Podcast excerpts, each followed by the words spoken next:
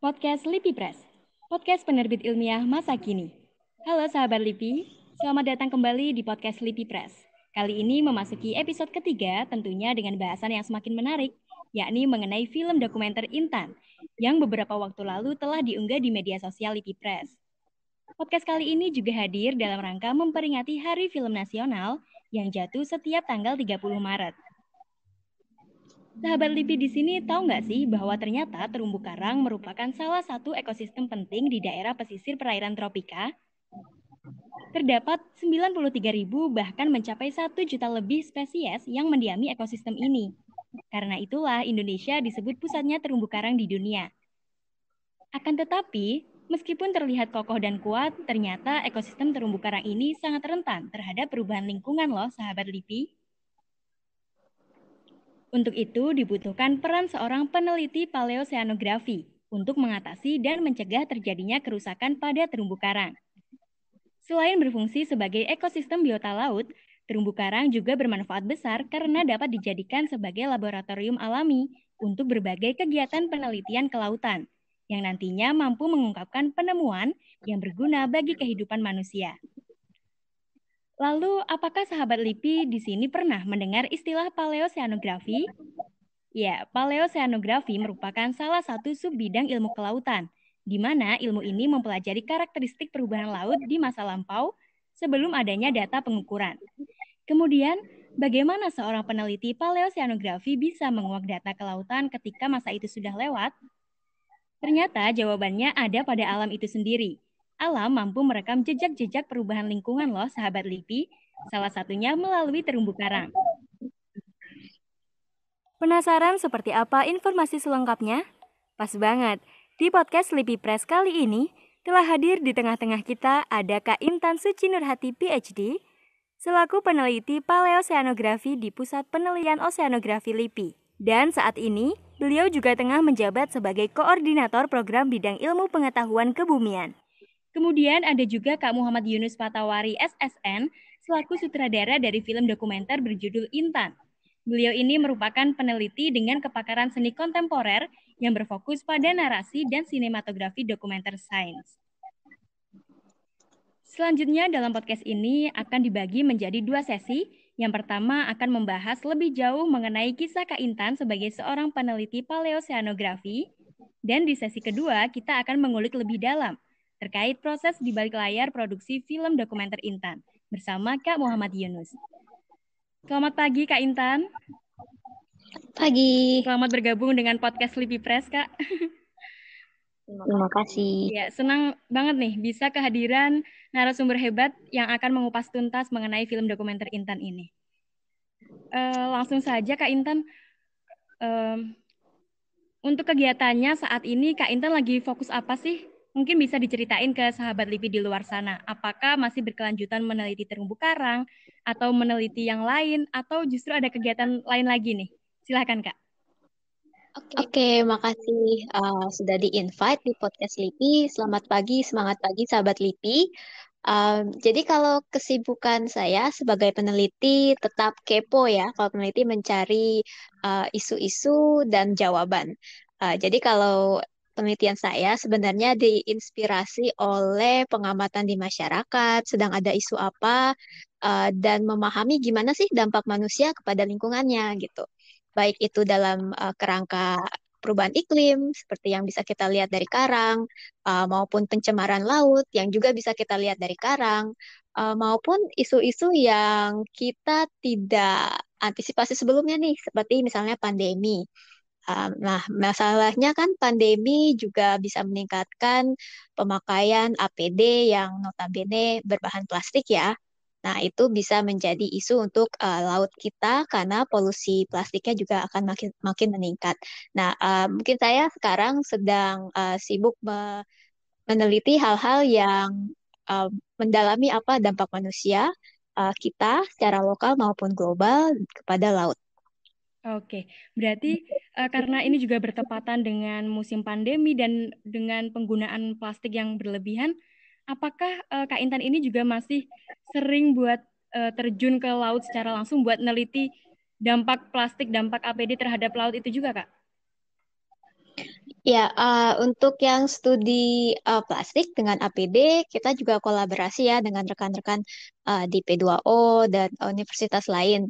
Uh, jadi untuk studi itu kemarin sudah kita lakukan. Uh, kita melakukannya di awal pandemi sebenarnya, waktu masih agak susah keluar juga ya. Uh, dan kita ingin melihat nih, mumpung kita masih di rumah, terus uh, bingung juga mau ngapain, uh, dan kita mencoba menjaring bagaimana sih situasinya selama pandemi gitu. Uh, jadi waktu itu kebetulan studinya kita lakukan di bulan Maret dan April 2020 di awal pandemi. Hmm. Nah, uh, tapi kabar baiknya uh, sepertinya sampah apa APD yang mengalir ke laut saat ini sudah uh, jauh membaik karena kan kita sudah mulai beradaptasi dengan situasi pandemi. Oke, baik Kak. Nah, kalau untuk yang tentang perubahan iklim terhadap dapat diketahui melalui terumbu karang itu sendiri, Kak. Ini bisa dibilang yes. cukup unik dan menarik sih Kak, karena kenapa harus melalui terumbu karang yang diteliti? Apa nggak ada yang lainnya gitu? Apakah terumbu karang ini mem memang jalan satu-satunya? Dan apa sih sebenarnya yang menarik dari terumbu karang ini hingga bisa dijadikan sebagai bahan penelitian? Silakan Kak.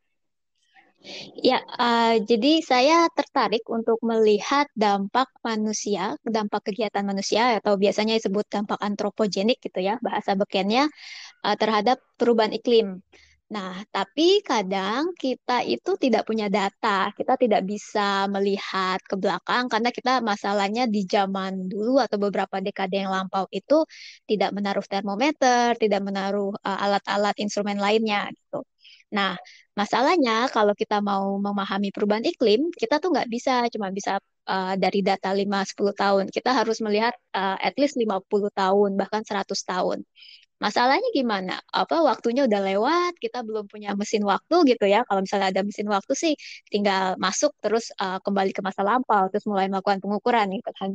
Nah, tapi uh, ternyata alam itu merekam perubahan iklim, uh, perubahan lingkungan, termasuk polusi di sekitarnya. Nah, sekarang ini menarik. Uh, dia sebenarnya bukan satu-satunya perekam laut, tapi dia bisa dibilang uh, satu-satunya perekam laut yang memberikan data begitu bersih selama uh, eh, 100 tahun yang lampau. Jadi kalau fokus studinya kita ingin melihat 100 tahun, 200 tahun yang lampau, yaitu dampak manusia untuk laut itu sangat pas dengan karang. Uh, tapi kalau misalnya nih kita mau melihat yang lebih jauh lagi, itu bisa juga ada arsip-arsip alam lain, misalnya seperti sedimen laut. Gitu. Tapi kalau untuk saya ya terumbu karang number one lah. Oke. Okay. Oke. Sebenarnya di karang itu ada apanya, Kak? Kenapa bisa sampai merekam sejauh itu gitu? Kan memang di, sempat dikatakan kalau terumbu karang itu seperti kamera gitu kan, bisa merekam sejak kejadian 200 tahun yang lalu. Sebenarnya di dalam karang itu sendiri ada apa gitu loh, Kak? Oh ya. Uh, jadi kadang kita uh, punya asumsi karang itu batu gitu ya, tapi padahal dia itu hewan uh, yang bersimbiosis gitu. Intinya dia adalah uh, dia tumbuh. Nah, lucunya karang itu dia tumbuh, tumbuhnya itu uh, dengan membuat lapisan-lapisan kapur seperti tulang kita lah istilahnya. Dia membuat lapisan kapur, uh, bisa dibayangkan gitu ya satu lapisan, terus dia bikin lapisan di atasnya, lapisan di atasnya dan sebagainya. Nah, ketika dia membuat lapisan kapur ini, yang menarik geokimia gitu ya, kimia komposisi kimia dari kapurnya itu ternyata uh, sesuai dengan keadaan di masa lampau gitu. Jadi kalau temperaturnya turun, nanti uh, sinyal-sinyal geokimianya tuh juga melihatkan itu gitu. Nanti kalau temperaturnya menghangat, dia juga menunjukkan itu. Jadi dengan kata lain, dia bisa digunakan sebagai buku sejarahnya laut karena emang dia menyimpan informasi-informasi itu. Nah, mungkin yang lebih uh, familiar di masyarakat itu konsepnya seperti pohon pohon itu kan punya lingkaran tahun ya. Pohon itu misalnya dari tadinya kurus gitu kecil satu batangan pohon, terus makin hari makin tahun dia makin melebar ya kan batangnya itu. Nah, kita kadang suka menemukan nih ada garis lingkar tahun di pohon. Ya kan? Hmm. Nah, karang itu persis seperti itu. Dia sebenarnya punya lingkar tahun. Hmm. Jadi kita bisa tahu umurnya karang berapa. Terus kita kalau uh, bawa sampelnya ke lab, kita malah bisa menguak banyak misteri lagi. Temperatur di bulan apa, tahun berapa, itu sampai sedetil itu gitu. Bahkan di uh, misalnya temperatur laut di waktu saya lahir gitu, itu bisa dikuak dari terumbu karang ini. Wah, keren banget ya kayak. Ya. Berarti bisa merekam sedetail apa pun data yang ada di laut selama ya istilahnya selama karang itu ada gitu ya kak ya. Betul, selama dia hidup gitu. Jadi hmm. makanya kalau kita di lapangan kita mencari karang yang uh, sebesar mungkin, setua mungkin karena makin besar karangnya, dia makin tua, informasinya makin panjang. Nah, iya. Ini saya kemarin juga sempat baca di salah satu artikel yang membahas tentang Kak Intan juga, katanya ada uh, salah satu ekspedisi yang gagal karena uh, karangnya yang diteliti itu terlalu kecil. Ternyata memang kalau terlalu kecil itu nggak bisa diteliti gitu ya, Kak ya? Uh, sebenarnya bisa sih bisa, tapi nggak cost efektif. Misalnya ya, hmm. ya, uh, saya kan mau melihat perubahan iklim. Nah, kita tapi mesti paham juga bahwa manusia kan sudah punya satelit, teknologi satelit itu sekitar tahun 80-an. Yeah. Jadi sejak tahun 80-an kita punya data iklim, misalnya data uh, suhu laut yang cukup komprehensif gitu. Jadi kalau di atas setelah tahun 80 kita udah nggak butuh paleo lagi istilahnya, udah nggak butuh bidang saya gitu ya. Hmm. Tapi masalahnya kan saat sebelum tahun 80 itu kan yang kita butuhkan, kita nggak punya data, makanya kita bertanya ke Karang. Nah, hmm. misalnya saya ke lokasi nih ekspedisi, lalu karangnya sudah dirusak gitu ya, terjadi perusakan mungkin di tahun 90-an. Jadi ketika saya datang, ya terumbu karangnya baru hidup dari tahun 90-an gitu kan. Terus ngapain hmm. saya bor, ya kan? Mendingan saya uh, ngedownload data satelit. Simpelnya sih seperti itu. Oke, saya juga baru tahu nih Kak, kalau ternyata yang diteliti dengan karang itu uh, data-data sebelum tahun 80-an. Seperti itu. Oke, nah. Ya, bisa mm, mungkin saya klarifikasi. Jadi tergantung isunya ya. Kalau uh, iklim, ya bisa sebelum 80-an karena sudah ada satelit.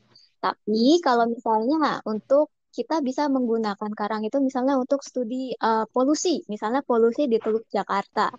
Nah, masalahnya mungkin uh, kita nggak mengukur polusi di Teluk Jakarta secara istiqomah tiap bulan gitu ya selama 30 tahun yang lalu. Nah, itu karangnya justru berguna nih untuk studi polusi. Jadi kalau saya ngebor karang di Teluk Jakarta sekarang misalnya ya di Kepulauan Seribu, uh, itu bisa menjadi arsip alam yang sangat menarik untuk misalnya studi polusi karena data pengukurannya tidak ada di lokasi itu. Oke, oke. Wah, menarik sekali ini. Oke Kak, karena ini podcastnya dalam rangka memperingati Hari Film Nasional, saya uh, menyinggung sedikit tentang film Intan, di mana film ini menceritakan tentang Kak Intan sendiri dengan uh, profesinya sebagai seorang paleoceanografi. Nah, di film dokumenter ini LIPI kan mencoba untuk menyajikan dan menyebarkan konten ilmu pengetahuan lewat media film. Ada nggak sih tanggapan dari Kak Intan sendiri terkait uh, diseminasi pengetahuan melalui media film? Silakan Kak. Ya, uh, saya uh, berterima kasih sekali ya dan beruntung gitu di LIPI kita punya rekan-rekan uh, yang memang menggeluti dan punya kepakaran untuk mendiseminasikan sains dalam bentuk multimedia. Uh, jadi saya bisa lebih uh, membumikan paleoceanografi ini yang mungkin di mata masyarakat umum itu masih jarang didengar gitu, di telinganya masih belum uh, didengar. Nah, yang saya apresiasi juga arah dan bentuk format ini, karena kan kita tahu uh, diseminasi sains itu sendiri harus mengikuti perubahan zaman ya mungkin kalau tahun uh, abad yang lalu gitu cara mendiseminasikan sains ya lewat jurnal kok gitu tapi kan hmm. kalau zaman sekarang dengan banyaknya multimedia uh, anak-anak semua itu istilahnya menonton yang visual nah kita juga harus berevolusi menyajikan sains uh, semenarik mungkin dan uh, mengcater gitu untuk orang-orang yang memang senangnya melihat dalam bentuk visual. Oke. Okay. Jadi memang dengan melalui film dokumenter ini diharapkan juga uh, ilmu pengetahuan semakin mudah untuk dicerna masyarakat begitu ya kak ya karena kan ada audio ada visualnya juga jadi nggak nggak hanya apa namanya membaca seperti itu. Betul, betul sekali. Oke kak, uh, dengar-dengar juga nih kak kemarin ada yang memberitahu tentang pencapaian kak Intan bahwa ternyata kakak ini merupakan salah satu anggota organisasi perubahan iklim di bawah naungan PBB atau istilahnya Lead and Contributing Author Six Assessment Report of the Intergovernmental Panel on Climate Change. Nah, itu bisa tolong dijelasin nggak sih Kak sebenarnya kegiatan Kak Intan di organisasi PBB itu seperti apa? Siapa tahu banyak juga nih sahabat LIPI di luar sana yang uh, termotivasi jadi pengen meneruskan jejak Kakak di masa mendatang. Silakan Kak. Ya, jadi uh, dalam kerangkanya PBB, PBB itu punya satu badan, satu uh, organisasi yang dinamakan Intergovernmental uh, Panel on Climate Change. Nah, in, atau disebut IPCC gitu. Nah, IPCC ini is, isinya adalah para peneliti dan kami bekerja pro bono gitu, tidak dibayar intinya adalah memberikan update status lah. Kalau uh, kita kan biasa di medsos up, statusnya mesti diupdate. Nah, ini sama juga iklim itu harus diupdate statusnya dengan pengetahuan terbaru.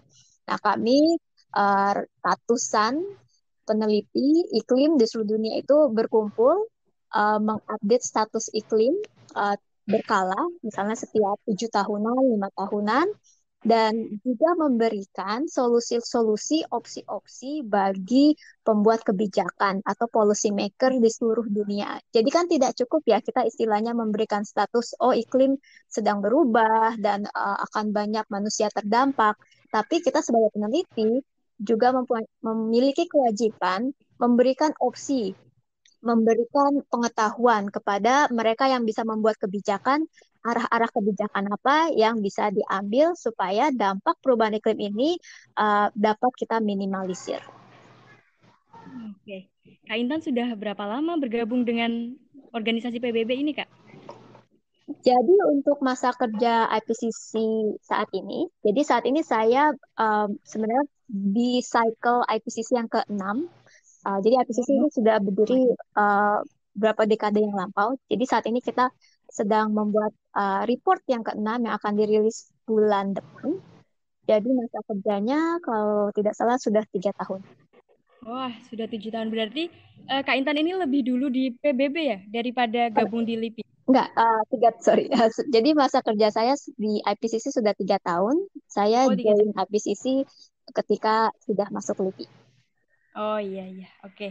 Nah, ternyata selain uh, gabung di IPCC, Kak Intan ini juga berkontrib apa namanya bergabung dengan Nat Geo, National Geographic.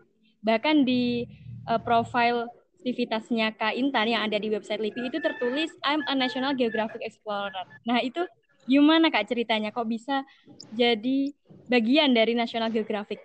Ini cukup menarik nih Kak buat sahabat LIPI di luar sana. Ya, uh, benar. Uh, saya salah satu National Geographic Explorer. Uh, adalah bahwa riset saya uh, juga didanai oleh National Geographic gitu. Dan ini hmm. untuk isu pengasaman laut di Indonesia.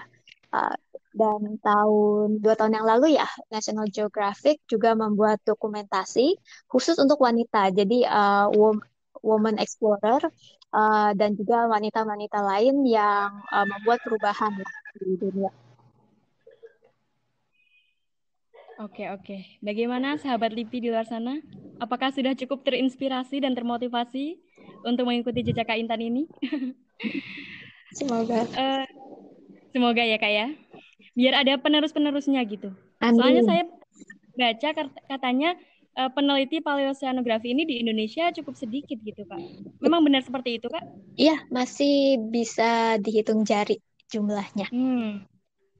Nah, itu buat sahabat LIPI semuanya Padahal uh, banyak sekali ya isu yang uh, bisa dikuak. Malah saya kalau boleh bilang Indonesia ini ars surganya arsip alam. Kita kan baru hari ini ngobrol tentang terumbu karang ya, arsip alam dari terumbu yeah. karang. Tadi saya mention sedikit arsip alam itu bisa juga dari sedimen laut.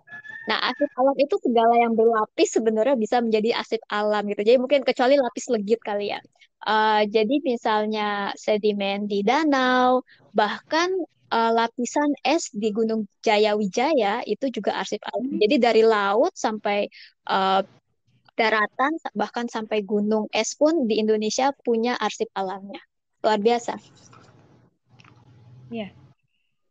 Dan semoga uh, ke depannya semakin banyak sahabat LIPI di luar sana setelah mendengar podcast ini jadi tertarik buat menjadi seperti Kak Intan, peneliti arsip alam seperti itu. Oke Kak, uh, dari tadi kita udah ngobrolin tentang paleoceanografi, tentang terumbu karang, arsip alam, sampai akhirnya sekarang kita sudah masuk ke pertanyaan terakhir Kak. Cepet banget ya. Uh, masih terkait dengan Hari Film Nasional. Kira-kira sebagai seorang peneliti nih Kak Intan, ada nggak sih film favorit yang relate gitu sama profesi yang sedang kakak geluti saat ini? Hmm, apa ya? Um, itu pertanyaan susah karena film banyak yang bagus ya. Um, iya, tapi saya nggak kepikiran jawab ini.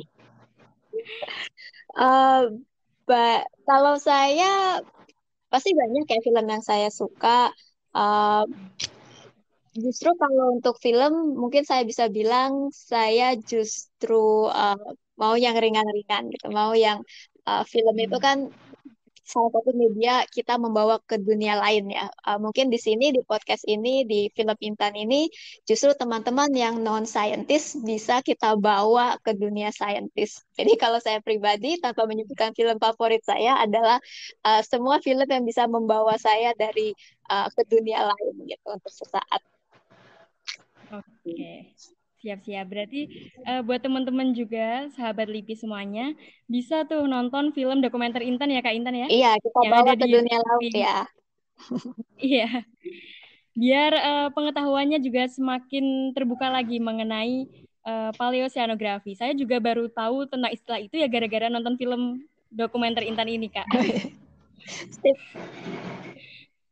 Oke, baik. Uh, terima kasih buat Kak Intan kita udah bincang-bincang santai siang hari ini. Uh, sebagai seorang peneliti LIPI, untuk selanjutnya saya mau beralih ke Kak Muhammad Yunus untuk menguak lebih dalam lagi mengenai proses di balik produksi film dokumenter Intan. Terima kasih Kak Intan dan selamat datang Halo, Kak Yunus. selamat datang. Suaranya kedengaran? Oke. Okay. Ya, kedengaran.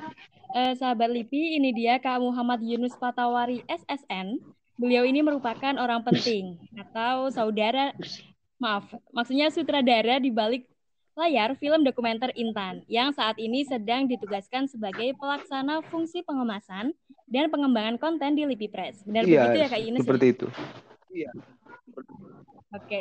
Nah, dalam rangka Hari Film Nasional nih Kak, sebagai seorang sutradara, boleh diceritain nggak sih Kak bagaimana proses awal dalam pembuatan film dokumenter Intan Oke. ini?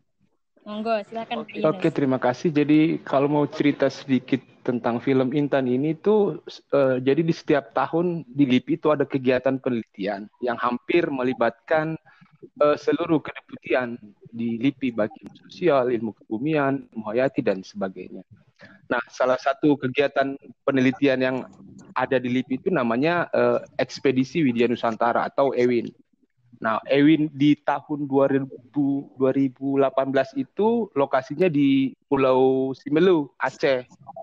Nah, ini kan kegiatan besar ya. Jadi menurut saya, eh, menurut kami itu perlu didokumentasikan dengan konsep uh, dokumenter dengan bergenre sains.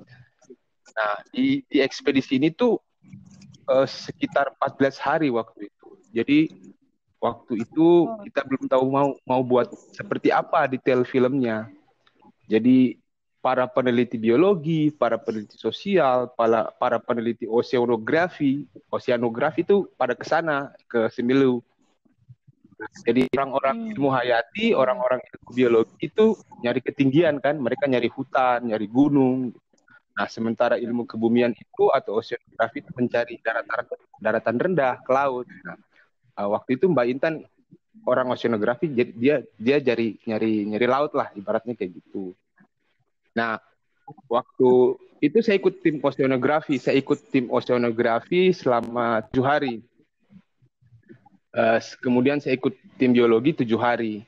Nah, selama tujuh hari di ocean, tim oceanografi itu saya ikut kegiatannya Mbak Intan itu selama dua hari, dua hari karena ada banyak peneliti yang lain kan, ada peneliti karang, ada peneliti lamun dan sebagainya. Nah khusus Mbak Intan itu saya ikutin uh, Mbak Intan itu selama dua hari syuting, jadi filmnya itu cuma dua hari syuting. Jadi selama ekspedisi di Stimuli itu uh, salah satu output kegiatannya film ya film Intan ini selain film-film yang lain. Jadi waktu itu ada sekitar lima film kalau nggak salah. Kira-kira seperti itu. Wah, jadi cukup cukup kilat ya kak ya proses ya, pembuatannya. dua hari. Cuma dua hari loh. Wah, ya keren sekali. Oke, selanjutnya nih kak. Ini bukan hanya pertanyaan dari sahabat Lipi, tapi juga saya pribadi juga bertanya-tanya.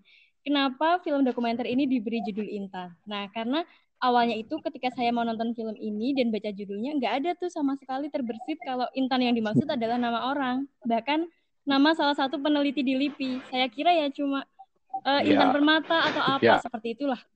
Alasannya Kalau apa, Kak? Pemilihan judul sebenarnya pertama itu saya ingin uh, kami ingin membuat sebuah uh, sudut pandang yang lebih dekat dengan penelitinya sebenarnya. Jadi sebuah sudut pandang yang tidak hanya hmm. saintik tapi lebih ke uh, subjektif peneliti. Jadi lebih humanis, lebih sederhana dan tidak banyak pecahan-pecahan uh, cerita atau pecahan-pecahan plot gitu. Nah, yang kedua, uh, saya coba uh, ingin membuat mencoba membuat judul yang tidak umum digunakan di film-film LIPI. Kalau teman-teman apa teman-teman hmm. lihat film-film dokumenternya LIPI itu kan rata-rata uh, apa judul-judulnya itu uh, lebih mirip-mirip judul-judul proposal atau naskah akademik seperti itu. Jadi jadi pengennya itu lebih sederhana. Nah, kalau kalau bisa saya tambahkan juga misalnya jadi uh, sebenarnya apa pengen orang apa biar penonton itu agak-agak penasaran juga tuh misalnya kayak uh, jadi bisa pada saat mereka intan apaan sih nih misalnya kayak gitu jadi membuka membuka membuka ruang tafsir buat audiens dan saya rasa sih uh, itu perlu buat seperti itu jadi pengen lebih sederhana sebenarnya. Mm-hmm. Nah, kalau bertanya-tanya mengenai konsepnya sendiri, kan tadi katanya uh, film ini diproduksi yeah. cukup kilat ya kan, dua, yeah. dua hanya dua hari. Nah, yeah. sebenarnya ada konsep khusus nggak sih kak tentang pembuatan film ini? Bedanya dengan pembuatan film-film yang lain tuh apa gitu? Apa yang sebenarnya ingin kak Yunus tonjolkan dengan konsep tersebut nah, dalam film Intan ini? Nah ini sebenarnya relate sama kenapa judulnya Intan tadi sebenarnya. Jadi uh, konsepnya itu humanis, Eh, sederhana, subjektif ya. Jadi kita ingin menampilkan sosok Mbak Intan ini dengan segala apanya, dengan segala prestasinya. Dia kan banyak, apa wah banget buat buat kami ini, buat saya pribadi wah banget pencapaian Mbak Intan ini. Jadi pencapaiannya saya cuma mau bilang bahwa dia juga Mbak Intan ini manusia biasa sebenarnya. Jadi uh, konsep penceritanya seperti itu. Jadi lebih humanis. Jadi uh, dia bukan dia bukan superhero. Makanya banyak adegan-adegan yang saya masukkan di film itu menggambarkan dia itu manusia biasa seperti itu. Jadi kalau teman-teman lihat itu film apa filmnya sedikit-sedikit uh, ada adegan dia makan, dia makan nasi siang, dia makan jeruk misalnya atau atau dia lagi ngopi atau dia dikit-dikit uh, lagi ngantuk, lagi capek gitu. Jadi memang men, itu yang menjadi highlight saya di di film ini yang yang membedakan dengan film yang sama pada saat itu. Jadi kita juga bikin dua apa? Kita juga bikin dua film. Satu yang lebih eksplorasi sains oceanografi di Simelu. Satunya lagi ini yang lebih humanistik. Jadi di balik segala ke ke apa pencapaiannya uh, beliau juga uh, manusia biasa gitu.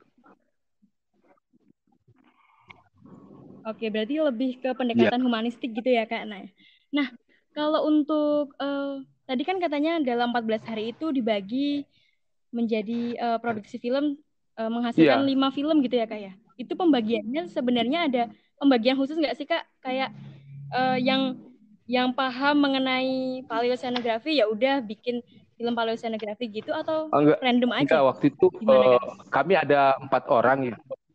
Ya kami berempat uh, untuk yeah. meliput atau membuat film dengan ekspedisi sebesar itu. Jadi waktu itu kami bagi tim siapa yang mau ke laut siapa yang mau ke gunung gitu kalau saya suka laut hmm, suka renang-renang ah ya udah saya aja yang renang oh iya iya iya. Berarti memang ya lebih ke hobi, hobi ya gitu lebih ya, ya, suka laut sebenarnya. Biasanya kalau berawal dari hobi itu jadi has yang dihasilkan tuh uh ya, ya lebih lebih, gitu, lebih menyenangkan sih ya. Iya, lebih menyentuh hati juga. Nah, kalau berbicara mengenai kendala atau kesulitan selama pembuatan film nih kak, kan ini film dokumenternya yeah. lebih ke sains gitu kan? Ada nggak sih uh, apa namanya? Sebenarnya lebih lebih susah mana antara pembuatan film dokumenter biasa dengan film dokumenter sains gitu? Kendala apa yang hanya ditemui di produksi film sains? Wah, itu? kalau ini pertama itu kita perlu ini sih sebenarnya apa kalau kalau dokumenter sains ya itu kita perlu menyesuaikan diri saya orangnya nggak terlalu terlalu suka banget sama hmm. sains misalnya kayak gitu. maksudnya sains sains seperti ini misalnya tapi mau nggak mau kita harus apa namanya yeah. uh, menyesuaikan misalnya kita kalau ada misalnya kayak ini peneliti hmm. paleoceanografi peneliti paleoceanografi paling nggak kan saya harus cari belajar-belajar juga tuh apa apa oceanografi, apa paleo gitu. Hmm, nah, kalau umpamanya besok-besok saya belajar apa, saya ngikut peneliti biologi, paling paling enggak juga saya harus mengerti biologi, saya mengerti taksonomi dan segala macam. Begitupun tema misalnya tema apa kegempaan atau subduksi, paling enggak ya itu mau nggak mau harus belajar belajar juga. Jadi bagusnya segitu. Jadi semakin banyak bikin film dengan tema-tema beragam, jadi jadi nambah pengetahuan juga gitu. Oke, berarti memang harus iya, ada mini riset terlebih dahulu Jadi gitu ya, lebih ya, kayak belajar hmm. lagi gitu kan. Paling makanya saya kadang kalau apa ini ikut peneliti biasanya pasti saya banyak pasti banyak tanyanya itu. Pasti banyak tanya. Kayak misalnya ya kan Mbak Intan, Mbak Intan, iya, ini iya. terumbu karang eh, batu kah? Eh, hewan kah? atau tumbuhan kah kayak gitu kan kan kita nggak tahu gitu informasi yang kita kita ya, kita sampaikan film itu juga nggak nggak nggak miss seperti itu. Itu sih kalau kalau lebih oke. Nah kak Yunus ini kan seorang sutradara tapi di awal tadi kan juga disebutkan uh, apa namanya keahliannya tuh di bagian hmm. narasi dan sinematografi. Nah, film Intan ini sendiri narasinya juga dari Kak Yunus sendiri kah atau ada orang lain khusus yang membuat narasi? Sebenarnya ya itu berangkat narasi dalam di semua film dokumenter sainsnya LIPI itu sebenarnya narasinya itu berasal dari dari penelitinya sebenarnya. Jadi kita nanya A B C D oh, segala okay, okay.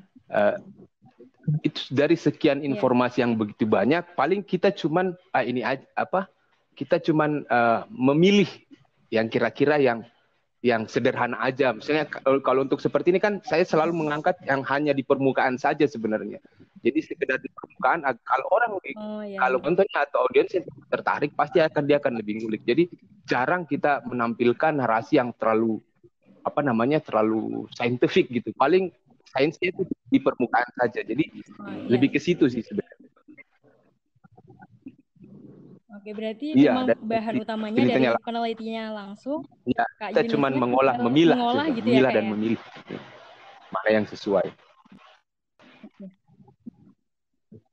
Oke kak, nah film Intan hmm. ini kan udah tayang, udah bisa dinikmati oleh sahabat Lipi semuanya. Selanjutnya ada proyek film apa lagi sih kak yang lagi digarap sama Lipi. Mungkin ada sedikit bocoran gitu buat Oke, okay, uh, eh, untuk di rumah. saat ini udah tahap finishing, kita lagi mau publikasikan uh, mau apa? launching film Laga Ligo. Laga Ligo literasi seni dan memori. Jadi uh, film Laga Ligo ini tuh merupakan hmm. surat penciptaan orang Bugis. Uh, merupakan kitab kitab oh, iya. terpanjang iya kitab sastra terpanjang di dunia.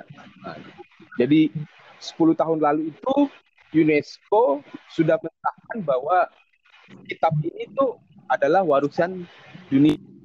Film sudah jadi, insya hmm. Allah tahun ini tuh mau di uh, mau di ditayangkan gitu.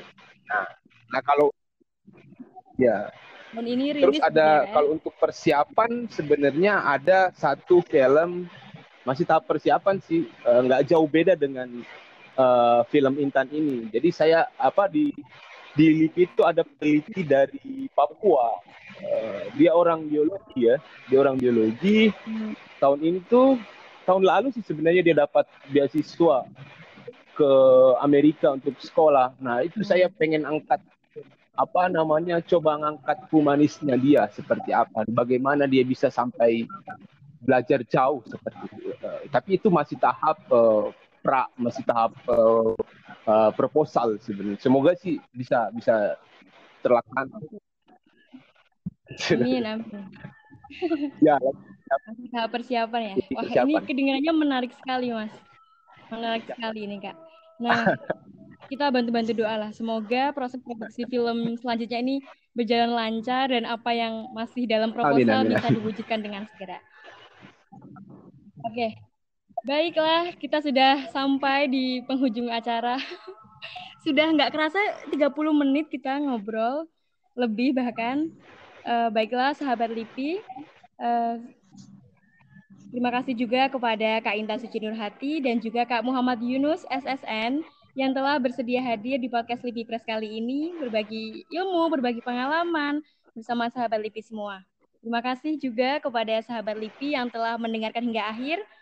Sampai jumpa di podcast Lipi Press episode berikutnya. Podcast Lipi Press, podcast penerbit masa kini. Sampai jumpa.